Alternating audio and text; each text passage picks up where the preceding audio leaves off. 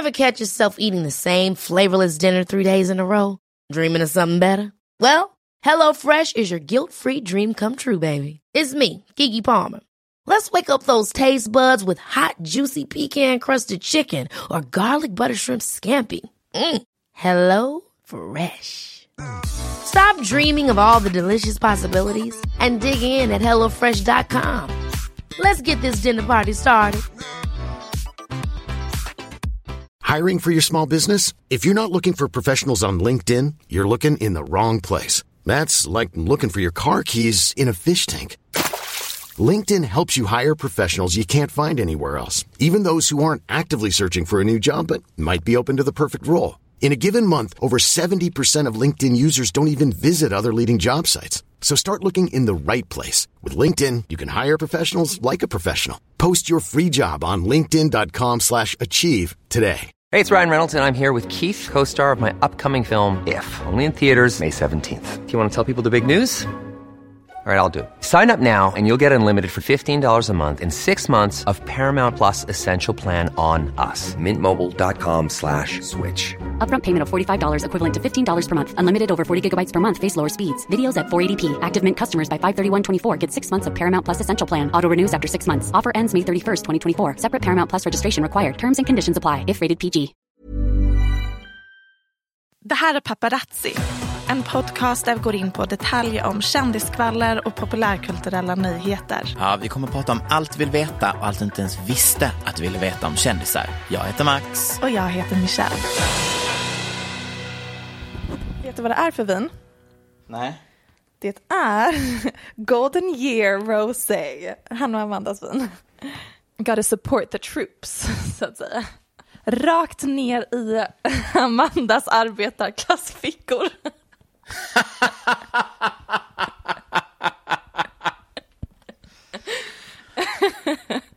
Support your local arbetarklass. Kan vi, inte, kan vi inte klippa in det citatet från hennes podd, eller känns det taskigt? Nej. Förstår du Ja, vad jag, jag menar? precis vad du menar.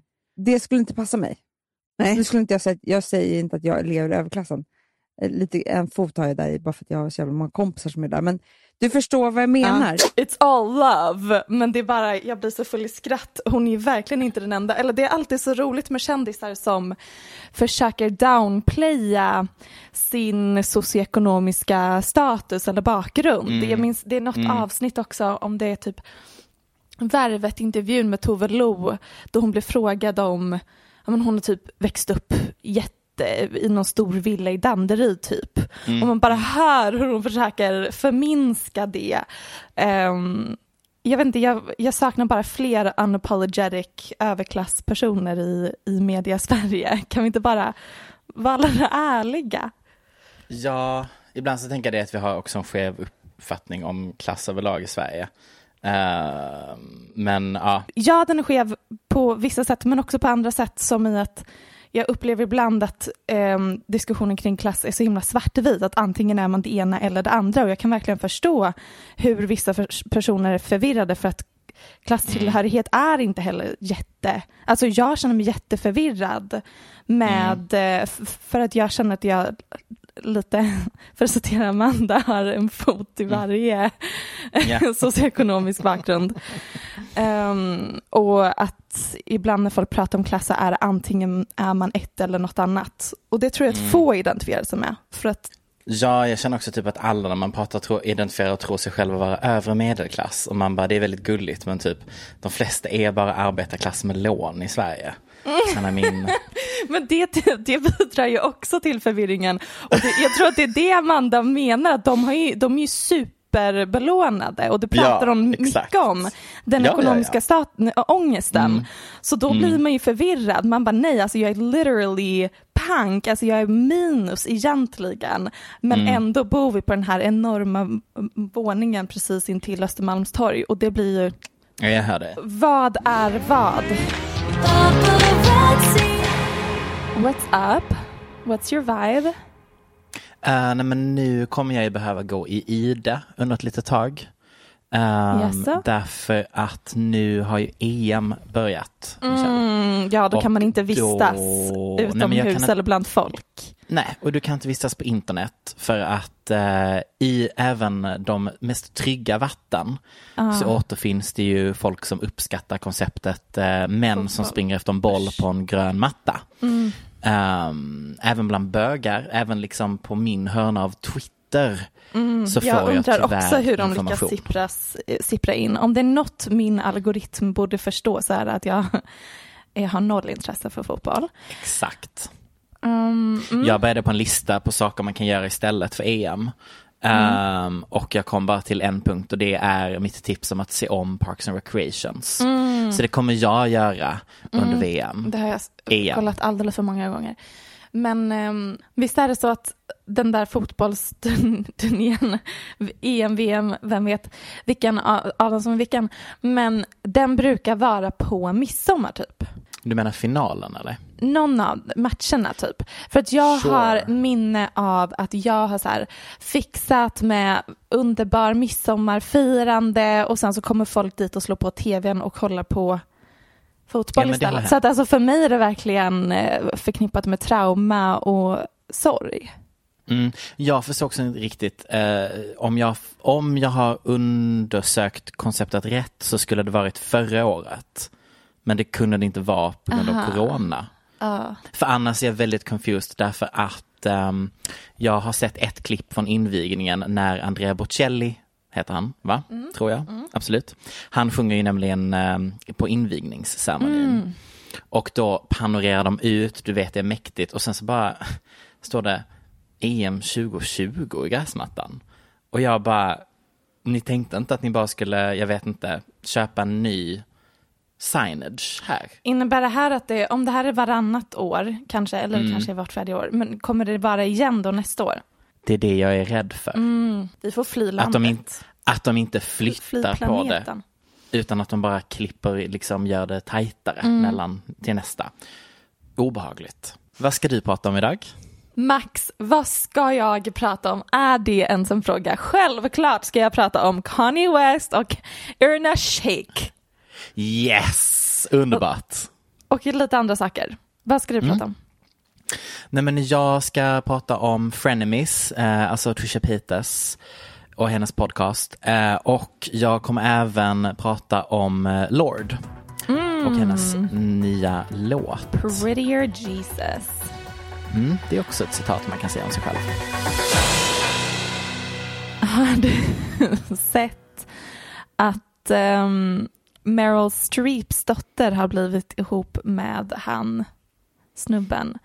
Late night feelings. Vad heter han? Mm, Mark Anthony. Nej, Mark Ronson Mark Ronson. Mark Anthony Ja. är någon helt annan. J-Los. Eh, ja, Eh, de är ihop. Mm, Eller vet, förlovade. Mm.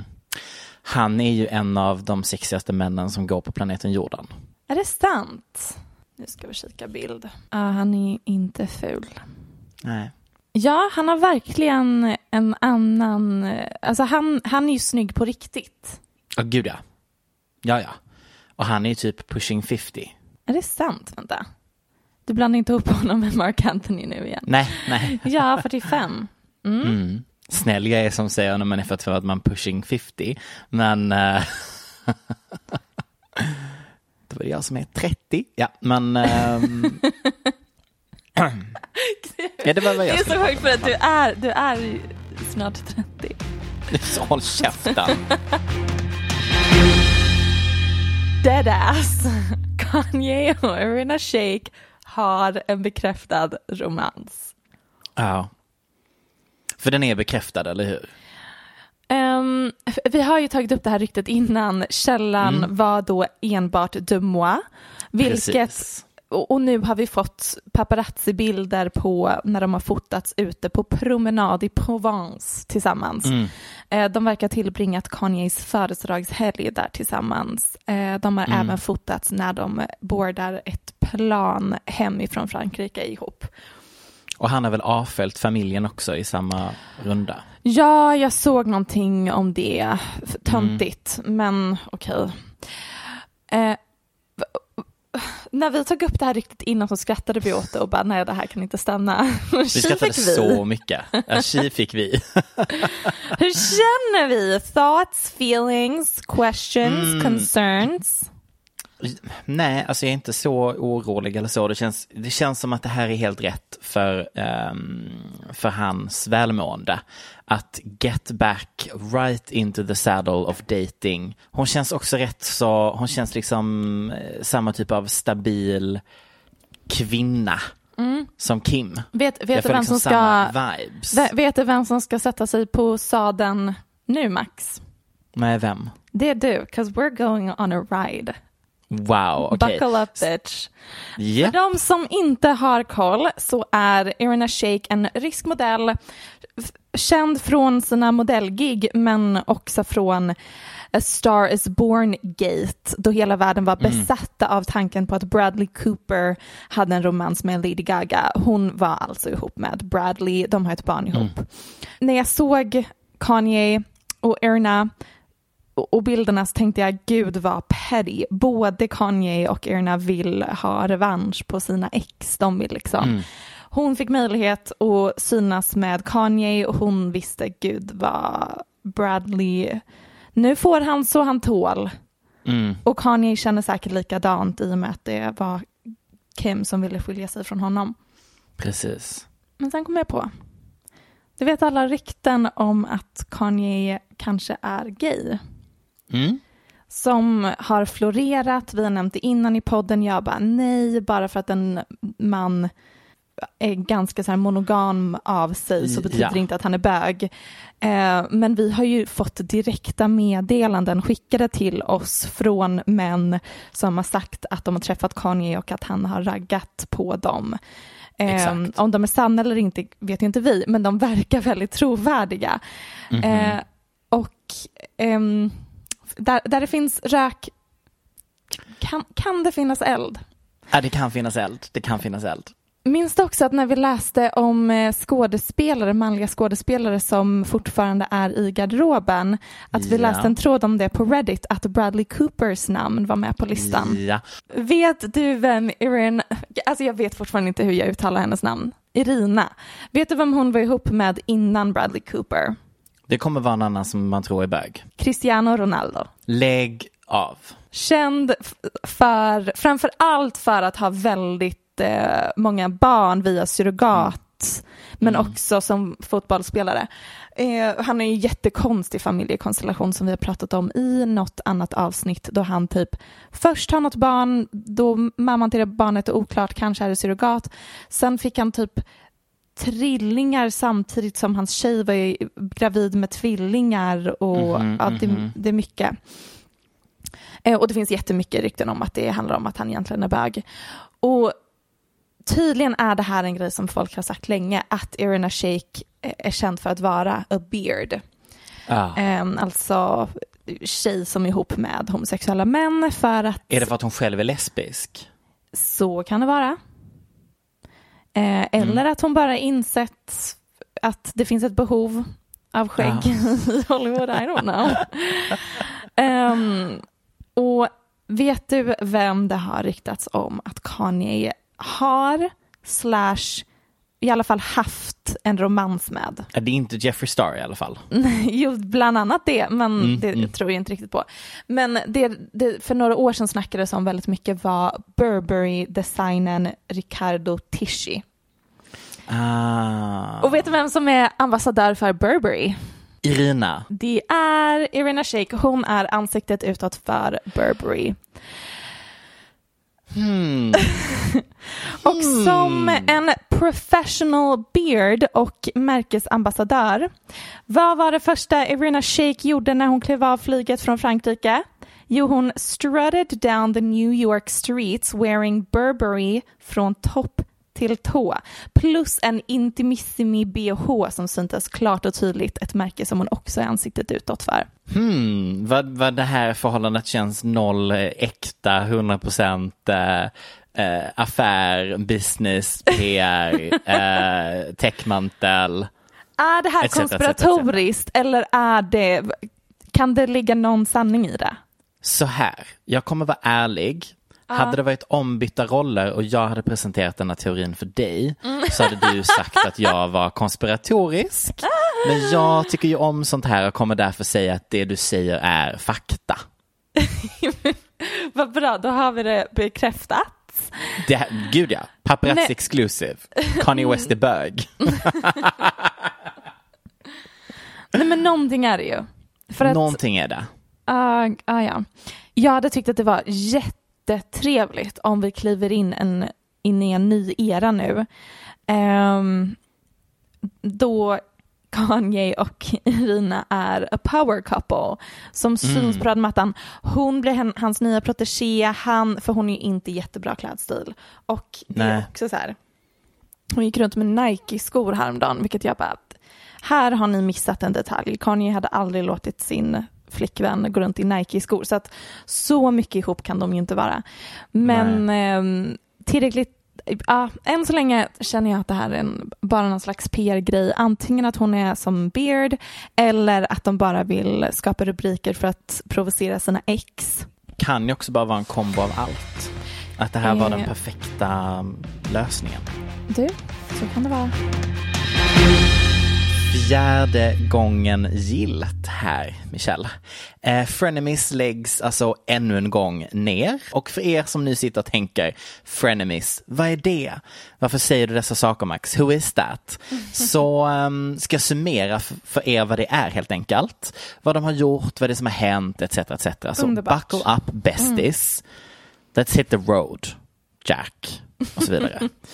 Frenemies är en podcast, vlogcast, jag vet inte riktigt vad man ska kalla det när man också filmar sig själv när man spelar in sin podcast. Just det, gud vad vi ska vara tacksamma för att det inte är fallet för vår podd. Ja, också så här väldigt konstigt format när jag funderar, alltså jag vet liksom inte, Med Jag hade klippning liksom inte- måste det vara svårt. Ja de klipper inte dem. De amerikanska podcasten som jag sånt här är typ inte klippta så mycket. Det är väldigt inte. mycket. Okej, Trisha känns det för sig som att hon öppnar sin mun och allt hon säger går att ta med. Eller, eller Sant. slash inget borde tas med. Men sant, sant, sant. Men i alla fall, det var en, eh, en podcast, bla bla bla, som bestod av Trisha Peters och Ethan Klein. Och för ovanlighetens skull så ska jag då börja med att berätta vem Ethan är och inte Trisha den här gången. Han är alltså då ägare av en annan podcast, eller står bakom Age 3 Podcast, som i sin tur då drivs av ett produktionsbolag som är Age 3 Age 3 Productions, alltså hehe, på ett kul snubbigt sätt. jag fattar Fonten. inte alls.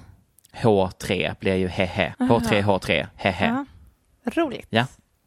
Otroligt. Och detta har han då tillsammans med sin tjej Ila. Och eh, ja, men deras grej har varit att de så här, reagerar på roliga internetsaker och snackar om populärkultur och bråkar med andra personer som är stora på internet med någon slags så här, snubbig stämning. Och väldigt snubbig stämning ska vi säga. Och, och mm, ja. Inte hans grej att han är väldigt uttalad feminist? Jag brukar tänka att det är lite som en woke version av så här, en Joe Rogan style.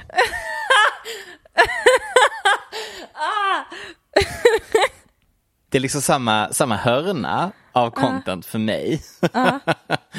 Men det är ändå liksom, det är woke och nice. Men också inte jättewoke, för han gjorde, för det som gjorde att han och Trisha hamnade i luven på varandra första gången 2019 var ju en video han la ut där han typ så här pratade om kvinnor som är photoshoppade och hur dåligt det. är. Och hur Om man- farligt det är. Om man där och vaknar i helvetet, då är det man möts av en woke-version av Joe Rogan-underhållning. Nej men och i den här videon så namedroppar han då Trisha Paytas. Och Trisha Paytas är ju då, hur ska vi summera den här eh, individen? En internetpersona vars USP är att vara problematisk. Kanske? Trisha är liksom old school youtuber. Hon är eh, och har överlevt. uncancellable. Det spelar ingen roll hur problematiska saker hon säger, hon kommer eh, alltid existera. Hen. Trisha är icke-binär. Just det. Trisha har också överlevt både Shane Dawson-perioden, för eh, Trisha och Shane Dawson var jättenära varandra under hela perioden när han var jätteproblematisk. Och sen var Trisha även en del av David Dobricks eh, squad, eftersom att Trisha då var ihop med någon, eh, någon snubbe som, som var med där. Bla bla bla bla bla bla bla. Trisha fick någon form av revival på TikTok eh, när hon började göra massa Nu sa jag också fel, fuck. Trisha fick en revival på TikTok. Men alltså, Mm. nej men, who are we to say ifall Trisha Paytas är eh, icke-binär eller ej? Ehm, men ja, om, det blir ju lite konstigt. Om jag var icke-binär eh, och det var massa personer som med starka liksom Anna Nicole Smith eh, vibes som kommer ut som icke-binära just nu i samband med att de ska göra reklam för någonting. Typ eh, Demi Lovato som ska göra reklam för sin podd. Eh, eller ehm, eh, vad Courtney hen? Stodden. Courtney Stodden som vill ha PR för sin eh, nya musikkarriär och nu Trisha Paytas som gör allt eh, hen kan för att bli viral. Det är ju, jag vet inte, jag, I feel for you icke-binära personer. Det, Mm, det, it's a messy brand right now. mm, det, det, det, det är lite rörigt. Och jag, jag har också för mig att det var typ i den här vevan när Trisha först identifierade sig som, som snubb Alltså det var någon sån också TikTok-grej. Just det, hon kom ut hon- som man eller som Ja. trans. Ja, det, det, det ändrade Ja. han sig. Ja. Ehm, nej, men det var det här med att bli viral på TikTok, det var Ja. det som hände. Och sen så på senare tid även mycket prat om eh, psykisk ohälsa och att hen går i terapi, bla bla bla bla bla bla bla. Och så har vi den här Patreon där man kan få se Trisha få fontänorgasmer. Ehm, eh, Trisha Land tror jag det är. Alltså jag älskar Trisha så mycket, hon är verkligen ett fenomen. Nej men alltså protected all costs, det är ju det. Hon- Och på något sätt blivit en gay icon mitt alltihopa. Nej, Jag vet inte, det är så Jajamän. himla mycket. National treasure. Men eh, den här videon 2019, Ethan namedroppar Trisha, Trisha svarar bla bla bla. Mitt i allt detta, bear in mind, they ha- they're having a beef. Och hon blir ihop med brodern till Ethans fru. Och nu är de förlovade. Hur lyckas Trish alltid? Nej men det är en väldigt bra fråga. Och ungefär i allt detta så pitchas då den här idén om en collab och då blev då podcasten Frenemies en grej. Jag skulle kalla det för PR-genialiskt. Rida på vågen av att alla eh, redan var så involverade i den här väldigt utdragna bråkiga situationen som hade pågått i typ ett år. Och det var också bra för Trisha, för det var liksom en helt ny arena av lite mer legit skulle jag säga. Inte bara att sitta hemma på badrumsgolvet eller köksgolvet och gråta eller spela in mukbangs. Utan att liksom vara en del av en produktion. Och för Ethan så var det ju fantastiskt att bygga på, som du säger, sitt wokeness, the feminist vibes, the, the, the gays. Fantastiskt, skitsmart idé. det. Men inget är ju smooth sailing. Och i omgångar så har ju dessa två alltså då bråkat live on tape. Varpå Trisha alla gånger har stormat ut och så har det blivit clickbaitigt material av detta. Men alltså long story short, i veckan så skedde alltså då ännu en gång ett klassiskt on-screen bråk. Varpå Trisha bad om att de borde sluta spela in. Så att ännu inte en gång handlade om att hon lämnar rummet och stormar ut, bla bla bla. Jag kan typ hålla med om att det som Trisha reagerade på var ändå fett rimligt. De pratade om pengar och beslut om vem som bidrar med mest content i produkten. Eh, varpå Trisha bara, mm, fast alltså, jag tycker typ det här och det här och det här. Och då så blev det en gaslighting situation där Ethan säger saker som You're upset, come on, I can see that you're upset. Varpå Trisha bara, nej det är jag ju inte. Hade jag varit det hade jag sagt det. You're gaslighting me. Varpå Ethan bara, no you are upset, I can see that you're Oj upset. nej. Gaslight bla. är ett ord som också överanvänds. Det har jag börjat använda när folk jobbiga på Grindr. You're gaslighting me right now. Men alltså också du på Grindr och konversationerna du skickar till mig. Du, you are in a mood. Du, vad var det du skickade häromdagen? Och då du svarade så himla, jo du Andrei använde dig av ett ungdomsslanguttryck. Mhm. Eh, personen du chattade med fattade inte uttrycket. Mhm. Och du svarade typ, är du dum i huvudet? Mhm. Och sen blev personen du chattade med lite kränkt. Ja. Och så blockade jag. Max, det är så orimligt. Ah, nej men alltså hitta en större homofob än Max Lisell. Förbjud, förbjud homosexuella säger jag. Vi har för mycket Happy, rättigheter. happy Pride. Happy Pride! Nej, men eh, det jag skulle landa i här i alla fall var att ehm, Trisha lämnade då rummet. Förlåt, får jag, får jag Ja. öppna din chattkonversation och läsa upp den? För jag tänker fortfarande Nej. på den. Snälla. Han, han skriver, förlåt men jag har absolut ingen aning om vad du gaggar om. Läser verkligen om allt minst tio gånger och förstår fortfarande inte. Det är mitt svar. Du svarar, ha ha ha ha ha ha. Du förstod inte det jag skrev. Skrämmande. Han svarar, verkligen. och sen svarar du, Har man slutat med läsförståelse i skolan eller? Och sen blockar du.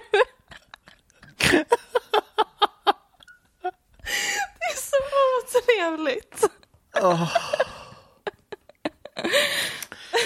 uh, ja, nej men då var det jag som var Trisha Peters där.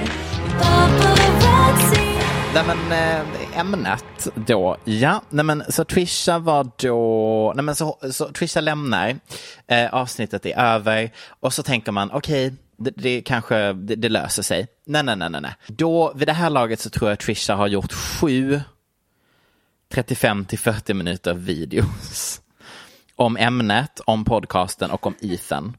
Hur Ethan ljuger, hur de är elaka, hur, hur Trisha känner att det är dålig stämning, hur Trisha har blivit felbehandlad, alltså verkligen gräver sin egna grav. Men that aside så känns det lite som att Trisha, jag, jag kan få känslan av att Trisha är trött på att liksom användas för just den här typen av um, clickbaitighet.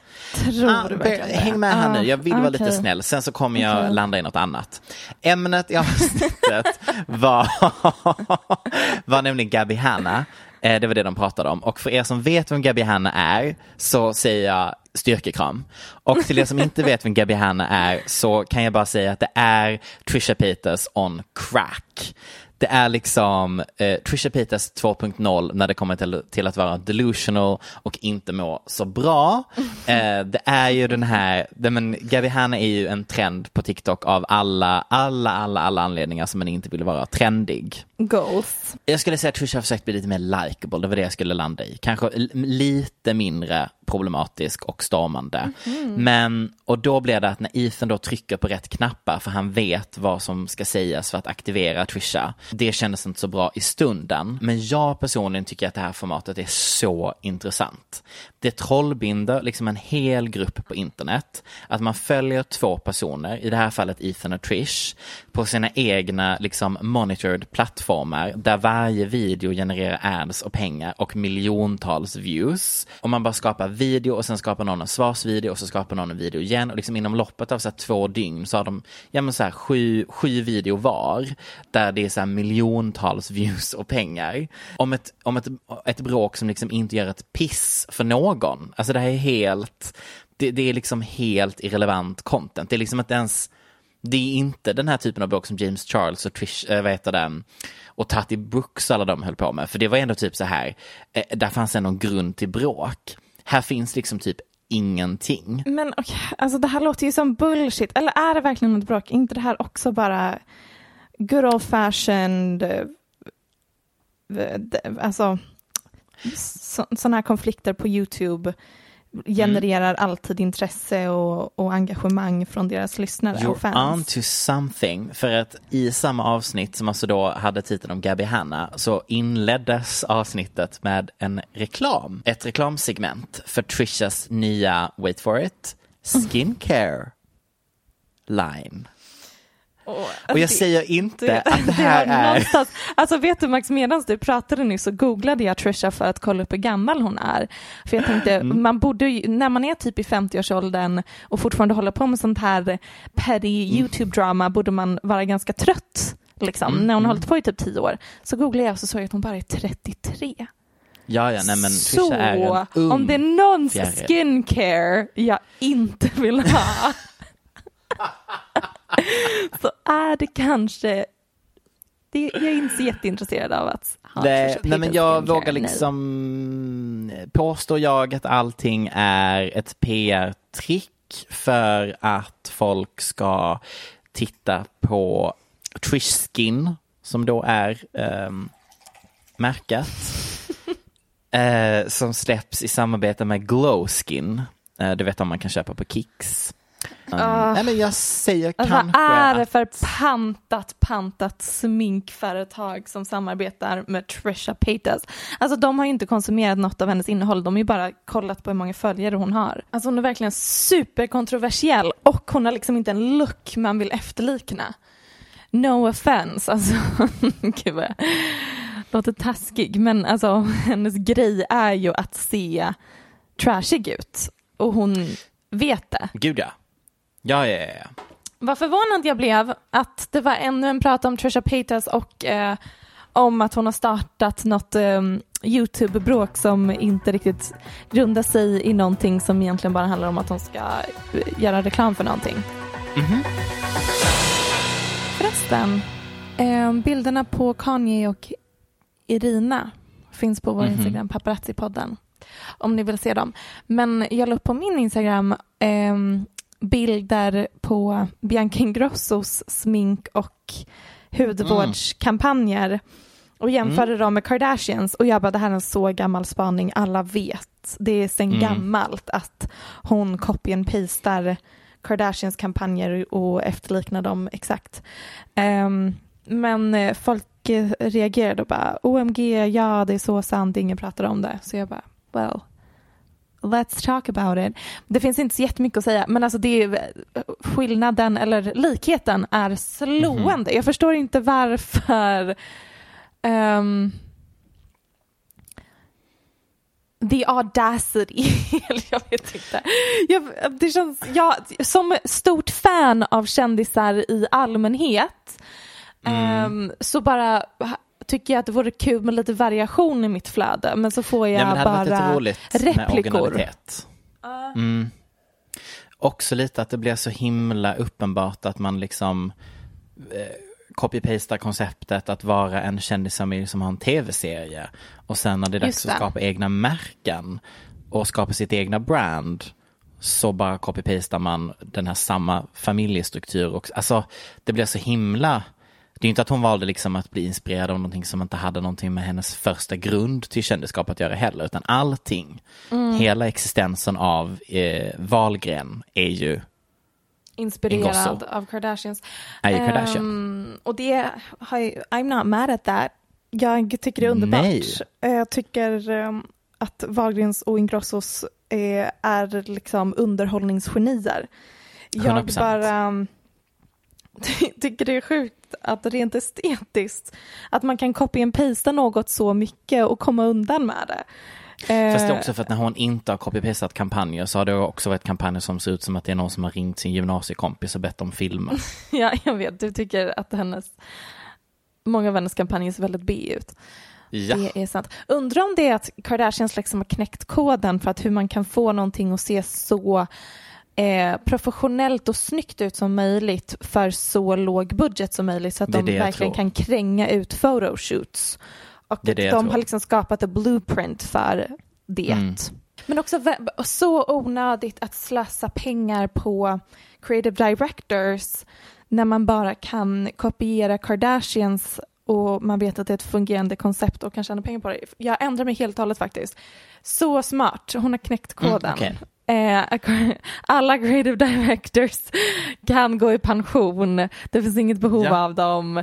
Eh, Kardashians har redan knäckt koden för att skapa Mm. en estetik som tilltalar och som är enkel att eh, reproducera. Och då är det bara den estetiken vi får helt enkelt. Ja, ja.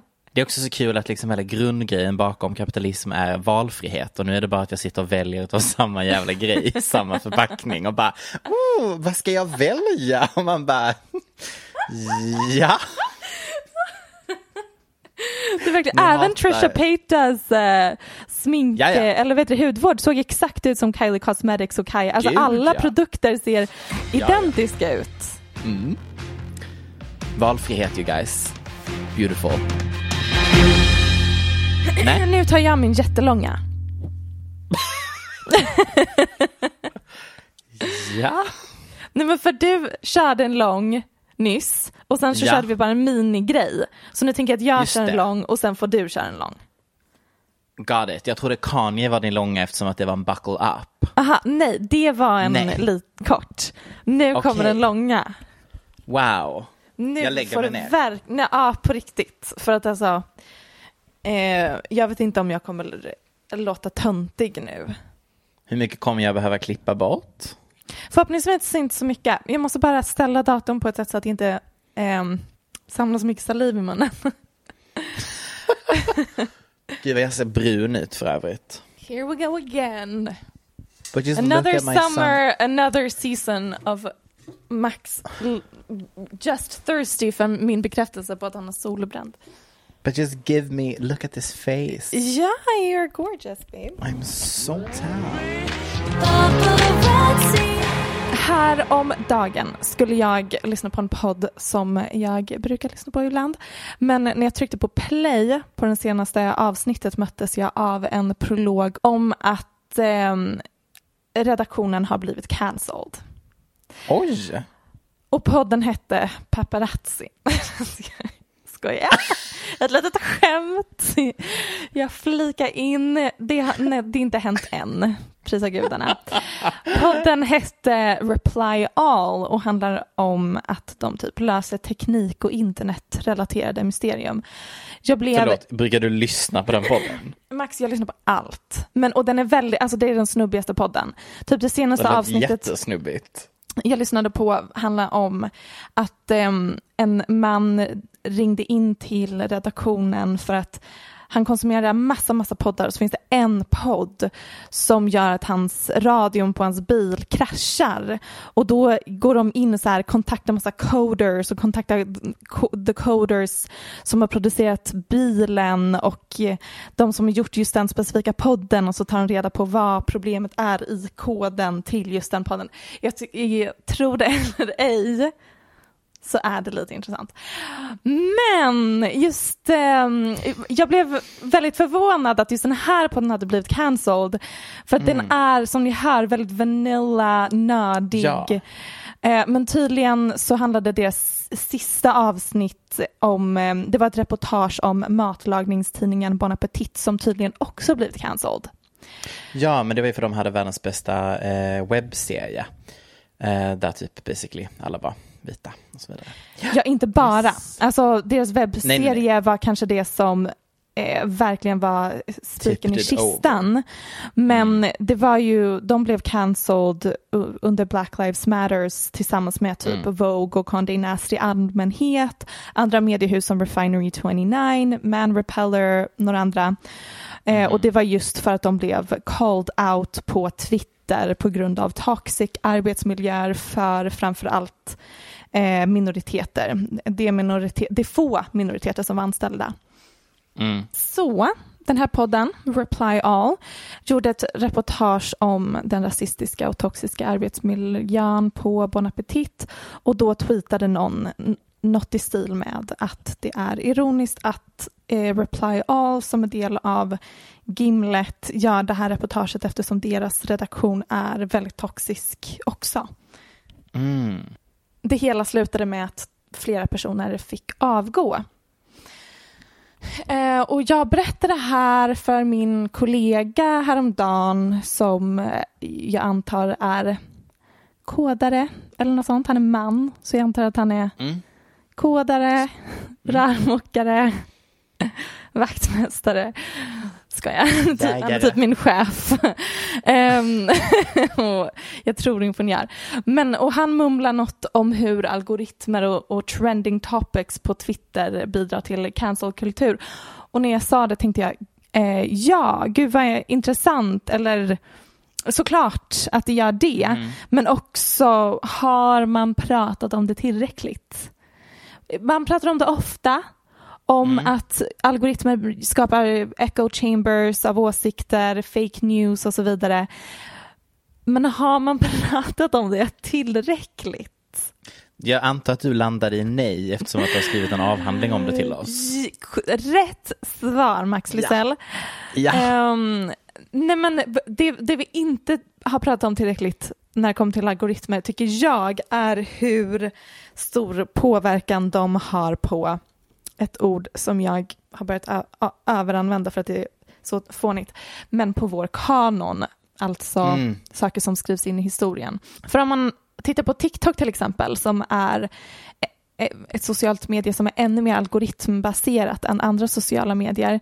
Eh, för de som inte använder TikTok så funkar det så att det flöde man tittar på mest består av videor som är skräddarsydda eh, av din algoritm och TikTok har valt ut dem just för dig. Och det är ofta en kombination av per- personer du följer men också mycket saker som trendar, saker som TikTok räknat ut att du kommer gilla medan på Instagram kollar man ju mest bara på dem man själv valt att följa. Det finns en discovery page som jag tillbringar alldeles för mycket tid på. Vad består din discovery page av? Nej men min Discovery Page små piss, eh, den består av nakna män och Sovjethus. Män och arkitektur. Ja, men specifikt brutalism. Min består av väldigt mycket K-pop-tjejer och eh, Beyoncé och Rihanna. Och sen bara så här, jättekonstiga saker. Här, där, det är verkligen bara olika kvinnliga kändisar. Ja, så jag skulle vilja säga att den algoritmen inte är jättebra. Eh, men den har också inte Vadå, så mycket det, att det, gå där, på. det sammanfattar verkligen våra personligheter rakt av. För mig, kvinnliga Nakna män. kändisar, dig, nakna män och arkitektur. Eller? Ja. det är väl Okej då. våra, våra enda personlighetsdrag. Åter till TikTok. Ja. De är ju också väldigt mycket hårdare mm, censurerande än andra appar. Antar att det är för att den ska kunna laddas ner av yngre personer på App Store. Mm. Så därför ser man ofta TikToks där de aldrig skriver em, ordet sex till exempel. Nej, precis. De använder en trea istället för e för att Mm. komma Så runt kreativa. algoritmen. Andra ord som är bannade är eh, typ cigarett, dead eller thick har till och med blivit banned. Suicide. Suicide, nej men jag tror till och med gay är banned som ord. Så, alltså TikTok, ehm, censurering är ju ett ämne i sig men det formar ju i och med att TikTok påverkar kulturen jättemycket så har ju TikTok-censureringar jätte mycket makt egentligen. Gud ja. Men nu kanske ni undrar. Om ens TikTok-flöde består av videos som har valts ut till mig specifikt, var visas i appen om man är ny användare? När de inte Oh, har någonting att gå efter. Och det är här uttrycket straight tech talk kommer in. Ja. Det är alltså basic, generiska videos som inte provocerar, som inte sticker ut eller är konstiga. Och det är många som menar att det är tack vare straight TikTok-algoritmen som Charlie D'Amelio och Addison Ray fått flest följare på appen. För att deras innehåll var mest kompatibelt med eh, straight TikTok och har därför blivit utvalda att hamna på allas landningssida när de skaffar appen. Okej, det här det blir pretentiöst as fuck. Eh, men, så det, det jag tänker på när jag ser de här TikTok-algoritmerna och hur stor påverkan de har på vem som blir känd och vem som eh, inte blir känd är att de blir nästan som konsthistoriker. Um, de, om man, de mest kända, eller de första, är Vasari och Winkelmann. Eh, för att om man undrar hur det kommer sig att just Leonardo eller Michelangelo är så hyllade är det för att de locked out och var eh, Vasaris favvisar, vilket, gud vad fånigt att använda ordet favvisar, favoriter, vilket ledde till att de skrevs in i den första konsthistoriska boken. Eh, och det finns liksom verkligen inget speciellt med eh, Davidstatyn utan det är bara för att Vasari och konsthistoriker efter honom hypade Michelangelo typ. Och för mig är det här typ det mitt intresse för kändiskultur grundar sig i. Varför vilka personer blir kända, Eh, vad är det för strukturer som gör att vissa skrivs in i historien och andra glöms bort? Är all PR verkligen bra PR och i så fall varför? Och ett jättefånigt exempel från konstvärlden är att eh, det finns typ en myt myt som man får lära eller man refererar inte till det som en myt utan man refererar till det som att så här är det. Att Mm. om man, när man går på museum och ser en tavla av Rothko så börjar man gråta om man till, stirrar på det tillräckligt länge. Det är han som målar stora abstrakta fyrkanter, lager på lager. Ehm, och det här är en myt som alla konsthistoriker tror på. Att Rothko kanaliserade så många lager känslor i varje skikt färg att om man stirrar på verket tillräckligt länge börjar rutorna vibrera och man börjar själv gråta. Let me tell you, det är så... Sounds like stupid ass bullshit. Shit, shit, stupid. Det är så speciellt att gå på museum och titta på Rothko-tavlor med ett gäng eh, så här, unga konsthistoriestudenter som alla Som tävlar. Ja, alla tävlar om vem som kan producera tårar först för att hävda sin finkulturella identitet. Eh, hur som helst. Började du gråta? Eh, gud, alltså jag har verkligen stirrat på alla och bara starka sekt-vibes up in this museum. Eh, för mig var det typ en besvikelse att ju mer jag lärde mig om konst desto mer insåg jag att det verk som blivit kända verkligen bara handlar om vem som har blivit favoriserad av de som skrivit historien och typ PR-trick, både planerade och oplanerade. Typ att Mona Lisa-tavlan blev stulen så den skrevs jättemycket om i tidningen och därmed blev den jättekänd och nu tror alla att den är um, jättemycket mer speciell än all annan konst. Och sen har det också med ekonomi och så här, det är ju aktier mer eller mindre nu för tiden. Men ehm, så nu när jag tänker på hur algoritmer och sociala medier streamlinar vem som blir känd eller vilka samtalsämnen som blir eh, virala så känner jag mig lurad igen. Är eh, Charlie D'Amelio vår tids Da Vinci och Addison Rae vår tids Michelangelo? Är det så? Nej, det är det inte. Är Där- Billie Eilish vår tids Rothko? Mm. Nej, jag kommer nog få säga nej här. Det är ett nej. Det blir ett nej. Ah, I thought I was on to something here. Nej men alltså jag tycker det är jätteintressant och jag fattar, eller det, det är ju väldigt, alltså du har ju en poäng. Thank you. Kanske är just det som är det som händer, men eftersom att det då är en AI så har den kanske inte riktigt brytt sig om så mycket om vad det är för något specifikt kom. Alltså jag tänker så här, Mona Lisa var ändå Mona Lisa och sen så var det en bra PR-kupp på det eller så här. Det var ändå en konstvetare som tyckte att någon gjorde någonting bra. Och här är liksom en AI som bara, den här tjejen dansar så icke sexsensuellt som det är möjligt så därför kan vi ha den på den här barnappen. Ja, men det är ju ändå personer som ligger bakom algoritmerna på TikTok, så att det kanske snarare är de som är vår tids Vesaris. Ja, de har valt ut Addison Rae och Charlie D'Amelio för att de är generiska. Men jag vet inte, inte Mona Lisa också ganska generisk. Jag eh, kom över en kul artikel häromdagen faktiskt. Oh, Why Lord's latest single proves Michelle Hallströms thesis that male turned music from women will be the death of music and mankind itself.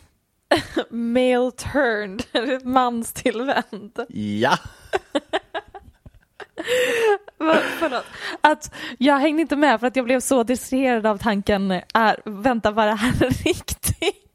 Vad pratar han om? En, en, någonting som bekräftar Michelles tes om att manstillvänd musik kommer vara jordens undergång. Ja, leda till. Okej. mm. ja. Jag gav, vilken jag, gav din, jag gav din tes lite mer umf där. Ah, tack. Ehm, men, men absolut.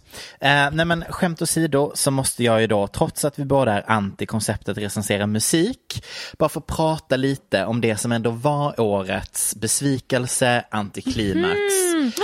Kärt Gud vad mysigt. Vi har inte har- pratat om det här alls Max. Nej. Nej men det är Lords nya singel Solar Power som Ja. ju då släpptes. Ehm, för det första, bilden. Jag tyckte den var jättebra. Jag tyckte hennes eh, singelomslag var jättebra. Det är fotat underifrån på när hon hoppar över kameran.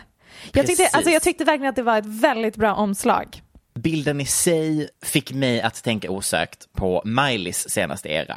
Lite att det är den här typen av sexualisering, men det är liksom inte in your face. Och den känns också inte egentligen sexualisering som är tillvänd mot sina lyssnare. Alltså jag tänker typ Doja Cat är ju också sexualisering, men den är ju extremt tillvänd mot kvinnor och bögar. Det är liksom... Du... Förlåt att du... du ja. Okej, estetiken, estetiken är ju verkligen, okej jag förstår vad du menar, estetiken är ju verkligen att... Estetiken menar jag ju. Ja, Ja, men, ja, men, ja, ja. okej, men sen så har hon ju på sig så här trosor och har den snyggaste kroppen sen mannaminne. absolut. Jag tror inte männen Ni- klagar. Nu menar jag estetiken. Jag estetiken är ju för the gays and the girlies. Yes. Ja. Och estetiken på Lords omslag är mer samma variant som Miley's var. Som jag känner är lite mer, det här är mer åt snubbar. Älskar det här. Det finns ingenting jag brinner för mer än att all, alla som sysslar med så här indie-saker ska... Jag vill att de ska brin, br- bränna dem på bål. Ja, okej. ja. Jag vill ägna mig åt. Nej men själva låten då. Jag tyckte att låten är så fruktansvärt tråkig att jag fick alltså pausa, samla min Oj. besvikelse, trycka play igen och sen gick jag ut rummet. Eller ja, jag har ju ett, ett rum men jag, jag gick lite på platsen. för att jag var så ledsen. Nej men så låten är ju, och detta kommer jag säga ett chest held high, skriven för äldre vita män som är musikkritiker och som typ älskar när Beatles var en grej och skrev lite psykedelisk musik. Den är tråkig. Jag har skrivit trash, men det känns lite väl eh, att att säga det, för den är ändå eh, ljudmässigt snyggt producerad. Men vem ligger bakom denna skapelse kanske du undrar? Det är inte Jack Antonoff. Det är Jack Antonoff. Ha. Och det är ju Jack Antonoff som också är Lena Dunhams ex. Ah, De bröt upp 2017 och eh, Jack låg även bakom Lords förra album Melodrama som tråkigt. på ytan handlar om en fest och Lords breakup men som alla på internet och planeten jorden vet handlar om att de knullade bakom Lena Dunhams rygg Mm. under hela skapandet av albumet. Ni kommer ihåg den tiden i populärkulturen när Lord, Lena Dunham och Taylor Swift var ett feministiskt woke gang. Ehm, ja, tills Lord alltså då låg med Lenas kille och Taylors låtskrivare och producent. saknar. Saknar. Fadern, sonen och heliga anden. Treenigheten. Jag kom ju för övrigt över en powerpoint skapad av en tjej som heter Hillary. Är den 29 sidor och jag har läst alla som att det vore fakta och en statlig utredning? Absolut. Den beskriver basically hur melodrama och alla dess låttexter helt enkelt handlar om relationen mellan Lord och Jack. I den här powerpointen så har hon tre key players och det är ju då Lord, eller som Lord egentligen heter, Ella Jellich O'Connor. Jag vet inte varför jag gav henne irländskt där. Jag tänkte precis fråga, hon är väl Nya Zeeland länsk. Eh, Men hon kanske har skotsk bakgrund. Sure. Um, Jack Antonoff och Lena Dunham och sen har du minor player i då Taylor Swift i den här powerpoint-presentationen. Men jag vill i alla fall läsa vem Jack, Jack Antonoff är. Punkt ett. Ugh. Um, punkt två. Age 34. Yup, that's 13 years older. Tre. Fuckboy from Jersey. Fyra. Why are famous people from New Jersey so angry and sad? Can't think of any exceptions. Eh, fem. Dated Scarlett Johansson. Jag tänkte precis säga, han eh, var ihop med Scarlett när de gick Mhm. i gymnasiet. Most notably dated Lena Dunham for five years. Plays the mandolin because of course. an Aries. And as an Aries, I disown him. Um, You and I are Aries too. Gud vad eh, negativt inställd. Han är ju också, han har ju ett band eller en, hans artistnamn är Bleachers. han har också varit med i Fun. 2014 sa han också att han var desperat på att få barn. Men Oj, det, vänta lite, var det innan eller efter Lena Dunham fick reda på att hon inte kan få barn? bra fråga. Ah, Ja, men vad började jag den här pratan då? jo, eh, den här fantastiska artikeln om hur solar power bekräftar din tes om manstillvänd populärkultur. Eh, från tjejer med en förhoppning om kritiker och priser. Och du har 100% rätt. Varsågod. Yes. Denna låt är liksom inte skapt för någon annan än vita dusty crusty dudes. Vilket ju är ett säkert kort. Får jag Efter avbryta dig igen? Ja. För att jag, nu när jag googlade på Jack Antonoff kom en bild på honom och Lana Del Rey upp som jag klickade Mm, på. Han har även precis co-written hennes album Norman fucking Rockwell. Han Mhm. eh, har också jobbat med Saint Vincent. Det är all, och Lord Taylor Swift och så vidare. Det alla de här tjejerna har gemensamt är att manliga kritiker älskar dem. De är verkligen Mhm. så manstillvända eh, artister. 2.0. Mm. Ehm, väldigt tydlig gemensam nämnare här. Är det verkligen, om man stänar ehm, Lord och Taylor Swift, uh, stänar man verkligen en kvinna då eller gillar, eller stänar man bara Jack eh, Antonoff. Jack Antonoff och den Jack viben han kommunicerar genom sin eh, musik. Fortsätt! Det var, nej men det var någon på TikTok som hade tagit upp det här att slutet eller outrot på Solar Power är exakt samma som den nya låten från St. Vincent. They Mm. are identical. Precis, Eh. han bara tog den lite mindre kända artisten han har jobbat Ja. med och ehm, återvann Samma outro. låt. Mm. Ja. Ehm, nej men det jag, det jag ville säga var att det här är ju ett säkert kort. Det var det jag skulle landa i. Ja. Eh, därför att efter fyra års tystnad och där du tidigare då har varit höjd till skyarna som någon slags musikaliskt geni så är ju pressen såklart hög. Frågan du som artist då ställer dig är ju då, vem vill jag plisa, vad vill jag säga med materialet och vilka risker vill jag ta? Lord, upptagen av att ligga med den tråkigaste killen vi har i New York, landar ju då såklart i noll risker. Jack Antonoff är också kategori äldre.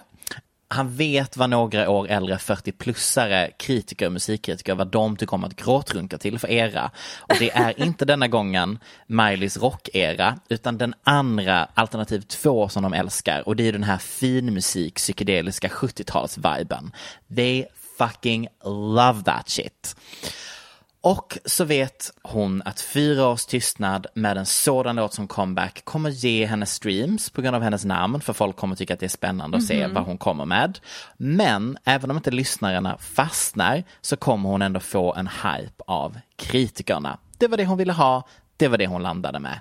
Jag läste någon som hade skrivit typ This is maybe why we should stop asking for new music from Rihanna and Adele because I can't with the disappointment. Och det vill jag debanka väldigt, väldigt snabbt. Därför att det är så oerhört stor skillnad på att vara typ Adele eller Rihanna och släppa ny musik efter en lång paus.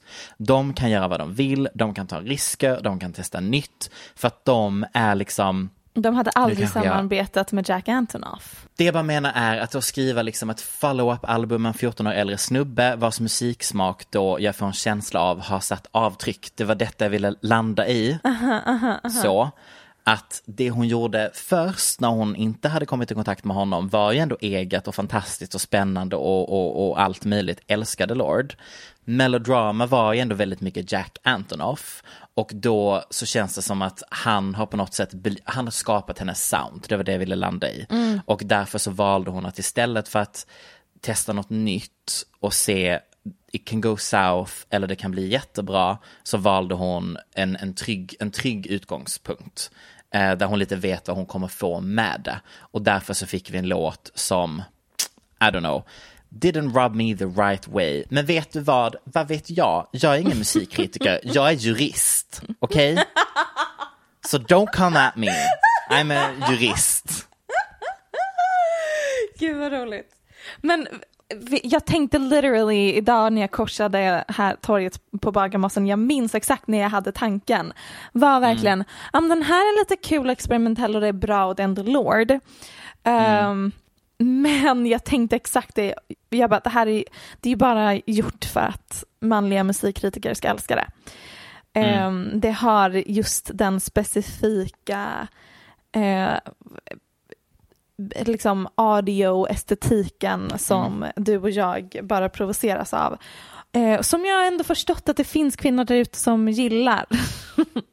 men de är ju Ja. hjärntvättade. De är ju hjärntvättade Nej, men av de är patriarkatet. ja. Nej men det är ju sådana som kommer in och stöttar män när man hade feministiska diskussioner 2015 i ett obskyrt Facebookforum.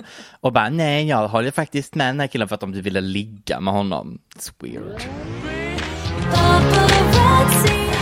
Men en annan sak, det alla de här tjejerna som har jobbat med Jack Antonoff har gemensamt är att alla är så här, kan kategoriseras som manic, manic pixie dream girls, vilket är ett eh, begrepp man använder mycket inom filmvetenskap för att beskriva en eh, arketyp av en, den ultim, ultimata kvinnan eller drömkvinnan Precis. som eh, för många hipsterkillar är just den här, eh, vad heter den, eh, Spotless Mind eller mm. Garden State eller Perks of being a wallflower. Det är alltid kvinnor som... Days of Summer. Five, ja, just det eh, tjejer som kommer in och är så spontana, härliga, eh, är bara där för att föra den manliga protagonistens narrativ mm framåt. Och sen försvinner hon och hon var liksom bara en fantastisk spontan och härlig sak som hände honom under en kort period. Och det är ju... Då är det jag ähm, som är ehm, Manic Pixie Girl i den här podden då. uh, och du är snubben då? Jag skulle ändå, eller vad? jag skulle nog ändå vilja säga att jag har föl, trillat ner i liksom den det beteendet som tjej. För det är liksom bara, det är det man får lära sig att antingen det finns inte hora madonna-komplex mm. eh, längre utan det finns antingen är man hora eller manic, manic pixie dream girl. Det är de två kategorierna man har att välja mellan om man vill vara mans eh, tillvänd kvinna. Och att det låter som att Jack Antonoffs smak i kvinnor och mm. alla musikkritikers smak i kvinnor är just den typen av kvinna. För att det är väldigt mycket som man tror att man är feministisk för att man gillar så rör, röriga, tokiga, eh, knasiga tjejer. Um, mm. Men det är ju bara ännu en så här, tvådimensionell idé av en kvinna. Eh, så det kanske är, mm, har vi något här? om vi fortsätter prata lite längre kanske vi kommer på något. jag, jag, tror min poäng är att det, när man eh, gillar musik så den musik man konsumerar är ju, ska ju vara the soundtrack to your life. Exakt. Eh, man, det är någonting med soundet som tilltalar mm. en. Mm. Och då blir problemet att om man som man konsumerar musik av kvinnor så väljer man ju det kvinnor... Nej, nej, nu pratar jag om straighta män. Okay, um, uh. Ja, nej, alltså Bangars favoritmusik är ju den bästa musiken. Nu talar jag om straighta män. Den typen mm. av kvinnlig musik de vill konsumera blir ju eh, Manic Pixie Dream Girl musik. Ja, precis. Men jag tror bara att jag är så förvånad att Lord blev den kategorin. Jag tror det är det jag inte har Men det har hon ju typ alltid varit. Men hennes första album var eh, ett väldigt bra sådant. Ja, men jag tror bara att det inte har gått upp för mig förrän att nu blev det väldigt tydligt att det är exakt det här hon är. Jag har ja. liksom inte, jag har gått i en fever dream av vem hon är baserat på eh, the impact som hennes första EP och album hade på mig. Mm, mm. Det var liksom om det enda Rihanna jag lyssnade på. Om Rihanna släpper ett nytt album som är eh, folkmusikinspirerad, mm. då kommer jag, jag kanske kommer, jag kanske alltså verkligen kommer flytta ut alltså, till något annat land, mm. eller på landet. Alltså jag kommer, det kommer inte, jag kommer inte konsumera musik igen. När du, du kommer hoppa av Jag kommer konceptet. göra en, eh, vad heter den också, alla killar som älskar Manic Pixie Dream Girls favoritfilm. Um, Into the Wild. Jag kommer ah. göra en ah. sån. Ja. Ja men um, nästa vecka så är du i en ny lägenhet gumman. Hur känns det? det är så gulligt att vi har tajmat uh, våra flyttar. Det är lite som när män umgås med kvinnor för mycket så är jag tänkte precis säga att ens menscyklar... Mm. Eh, Nej men min och Isabells menscykel är synkad. Jag har ju mens när hon har mens. Det, det är bara för att du vill ha ursäkt för att ha PMS-beteende en gång i månaden. Nu, nu hör jag kvinnohat eh, som jag inte går med på. Det sagt, eh, tack för den här veckan. Tack för den här veckan. Gänget. Tack Aftonbladet. Du har lyssnat på en podcast från Aftonbladet. Ansvarig utgivare är Lena K Samuelsson.